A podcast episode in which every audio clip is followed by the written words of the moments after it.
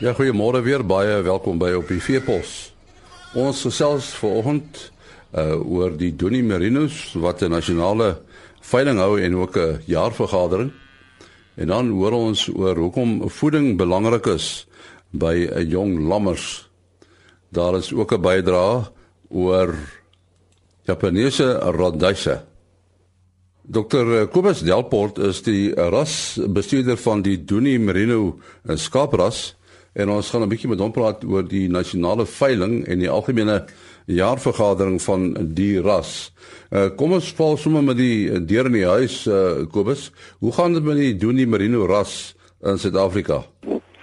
Uh, en oor die algemeen gaan dit baie goed met ons. Uh, ons het afgeskop die jaar met 'n hele klompie produksieveilings wat baie suksesvol was ten spyte van die regtige droogte toestande wat ons het. Ehm um, maar dit lyk vir my of die afgelope maand se uh, klein bietjie reën sommer 'n nuwe vonk in die vuur gesit het. Is die die ras die Donie Merino is hy baie gewild in Suid-Afrika? Hy is regtig baie gewild en ons ondervind dat met hierdie dubbeldoel ras is ideaal geposisioneer om voordeel te trek uit hoër vleispryse aan die een kant en natuurlik die hoër wolpryse is 'n groot bonus vir ons op hierdie stadium. En hoe standhoudend is uh, hierdie wolpryse? Uh, nee, dit gaan afhang van die ekonomiese situasie wat natuurlik baie fluktueer van dag tot dag. So 'n voorspelling is uiters moeilik en daarom het ons as ras nog altyd op 'n langtermynsiening uh op pyl getrek. Ja, die wisselkoers speel seker 'n rol, né? Nee? Ja, nee, dit is 'n uiters belangrike rol. En uh ja, om om dit te voorspel is am feitelik onmoontlik. Goed, julle nasionale veiling en algemene jaarvergadering, die vind nou in uh, Februarie plaas. Uh is daar 'n tema op hierdie vergadering? En nee, ja, op hierdie stadium ehm um, is ons raadsvergadering op die 16de Februarie en ons nasionale veiling op die 17de Februarie. Uh die hoofbesprekingspunt gaan wees voorbereiding vir ons 50ste bestaanjaarviering wat hierdie jaar plaasvind en uh, ons het gereël om met die uh, makelaars in die bedryf te skakel hier omtrent. En uh, die veiling, wat verwag julle van die veiling? Ons verwag 'n goeie veiling en nie uh, aanvanklik was ons teelers hier teen die einde van laas jaar redelik pessimisties geweest. Uh, maar ons van ondervinding het geleer dat die mense hoë kwaliteit teelmateriaal beskikbaar het. Ehm um, vir een of ander rede het ons skaapbedryf hierdie droogte eintlik baie goed deurstaan en die diere wat wat beskikbaar gaan wees is van die beste ooit. Ehm um, miskien net weer die datum van die vergadering en die veiling? Uh, ons gaan die vergadering hê op die 16de Februarie en dan die veiling op die 17de Februarie. As iemand belangstel, um, wie moet hulle skakel? Hulle kan ons hier by die kantoor skakel of andersins hulle naaste BKB agent.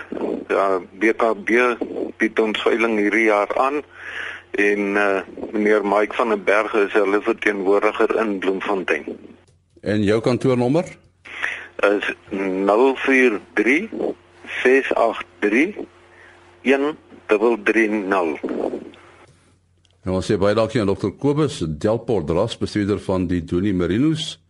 Daai nommer net weer 043 683 1330. Ons uh, gaan nou gesels oor die voeding van van jong lammers en uh, ons wil by Jan Louis Venter van die NWKV weet oor die voeding van jong lammers. Uh, waarom is die voeding van uh, van jong lammers so belangrik uh, Jan Louis? Ehm um, en nie uh, goeie middag ja, ek dink lakterende oeye op voedingspeil en melkproduksie sal 'n piek bereik teen ongeveer 4 weke na lank. Dan begin die melkproduksie redelik vinnig af te neem. En dan dieselfde tyd wat die oeye dan hulle piek melkproduksie bereik, groei die lam ook baie vinnig. Hoe jonger die lam is, hoe doeltreffender kan hy melk en of voer omsit in liggaamsmassa. En en wat wat kan mense doen om om uh, die goeie voeromsettingsvermoë te benut? Maar navorsing het ons gewys dat tot op onge, uh, op ongeveer 6 weke ouderdom kan tot die helfte van die lam se voedingsbehoeftes deur ander voerbronne aangevul word. Dit wil sê ons kan weiding of kruipvoer ekstra gee. Lammers kan so jonk as 3 weke alreeds beduidende hoeveelhede vaste kos inneem. Maar die ding is dat groenweiding kan nie alleen aan die behoeftes van die lam voldoen nie, aangesien dit groot hoeveelhede vog bevat. Die voer van goeie gehalte kruipvoeding kan aan hierdie addisionele behoeftes van die lam voorsien. En en die voordele van hierdie addisionele voeding? Ehm um, een van die uh, belangrikstes is dat ooi lammers wat nie voedingsstremmings ervaar het nie, sy ovulasie tempo is hoër as die van lammers wat voedingsstremmings ervaar het. En oor hulle leeftyd sal dan ook dan meer lammers produseer as ooe wat voedingsstremmings ervaar het. Lammers sal ook beter groei en vroeër gespeen en bemark kan word. 'n uh, Belangrike ding is speenskok wat tot 'n minimum beperk word. En lammers is baie doeltreffende voeromsetting. Dit wil sê hulle benut jou voer baie effektief. En hulle groei beter in die voerkraal nadat hulle dan kruivoer gekry het aangesien hulle gewoond is aan die tipe voeding en geen gewichtsverlies word by sulke lammes ondervind nie. En en is dit koste-effektief? Ja, beslis, want vir elke rand wat jy aan kruipvoeding spandeer, maak jy produsent tussen 2 en 3 rand. Die waarde van kruipvoeding maak dit dis die beste belegging wat jy vir jou skaapboerdery kan maak. Goed, ons sê baie dankie aan Jan Louis Venter van die NWKV. Grondvog en Japaneese radyse. En ons gaan daaroor praat met Eris Jefer van Agricol. Uh Miskien Eris, uh, kan kan Japaneese radyse uh, as jy minder grondvog het, steeds goeie opbrengs te lewer? Ja, Japaneese radyse is verseker een van die min gewasse wat relatief baie goed klein hoeveelhede vog in 'n baie groot mas broodmateriaal massa kan omskakel. So dis een van die wondere gewasse, een van die wondere wonderlike eienskappe van Japaneese raduis. Verder is die Japaneese raduis ook mos in die volksmond ook bekend as as die rape of sogenaamde rape. Baie van die ouer boere ken dit ook as rape, vir dit eintlik maar die Japaneese raduis is waarna hulle verwys.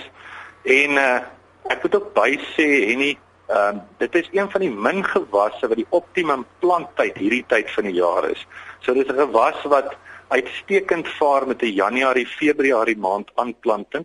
En as jy nou regtig dan nou kyk na die ander gewasse ook om vinnig 'n klomp voer te maak, is dit amper al effe laat vir voersorgings om geplant te word op die sogenaamde somervoergewasse en ook 'n bietjie vroeg om die sogenaamde wintervoergewasse wat dan tipies jou kleingraangewasse soos haver stoelrog, koorrog, daai klas van gewasse wat meer in na Februarie, Maart toe aangeplant word.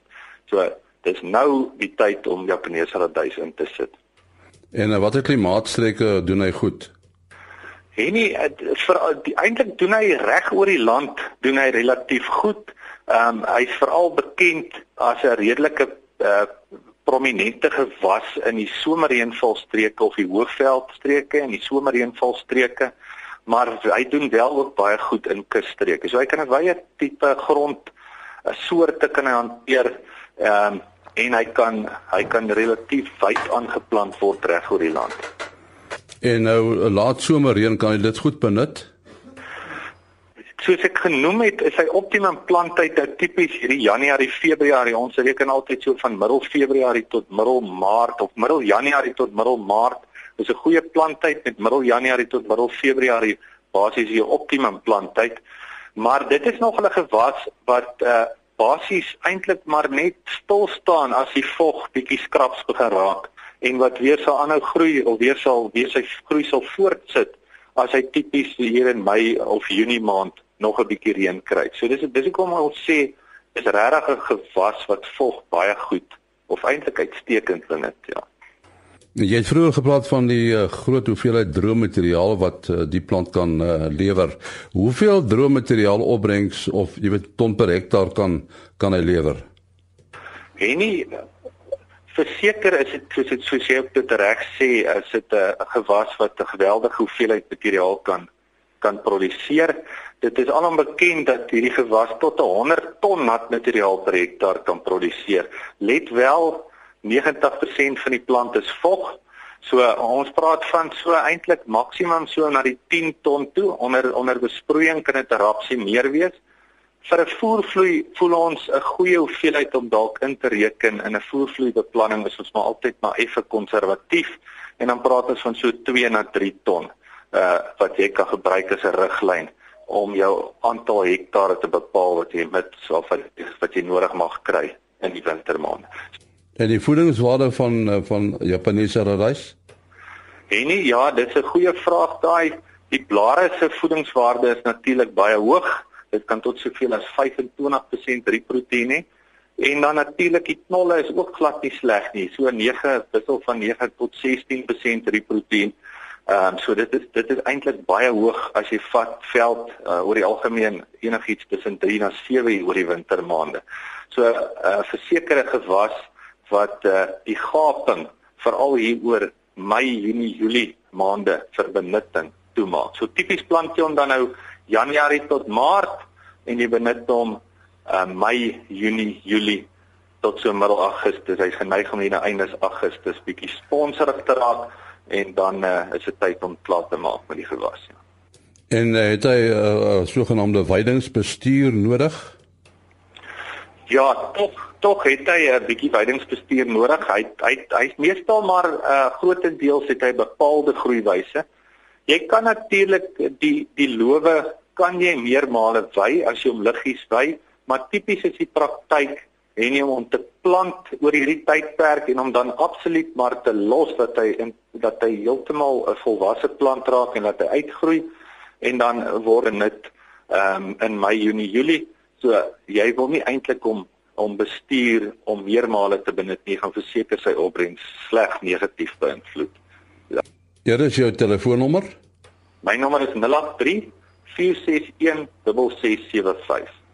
Ons sê baie dankie aan Eris Hefer van Agricol. Net weer hy nommer 083 461 6675. daarmee ook die einde van ons program. Môreoggend om 4 voor 5 is ons terug. Mooi dan.